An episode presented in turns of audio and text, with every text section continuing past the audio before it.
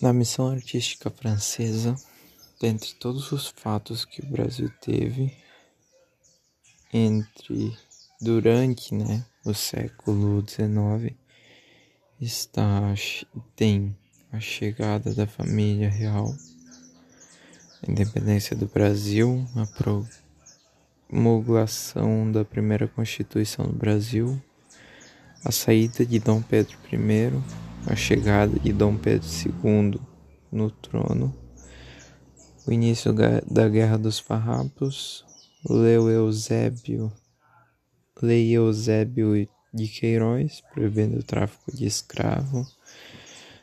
assinatura da Princesa Isabel na Lei Áurea e abolindo a escravidão, e a proclamação da República.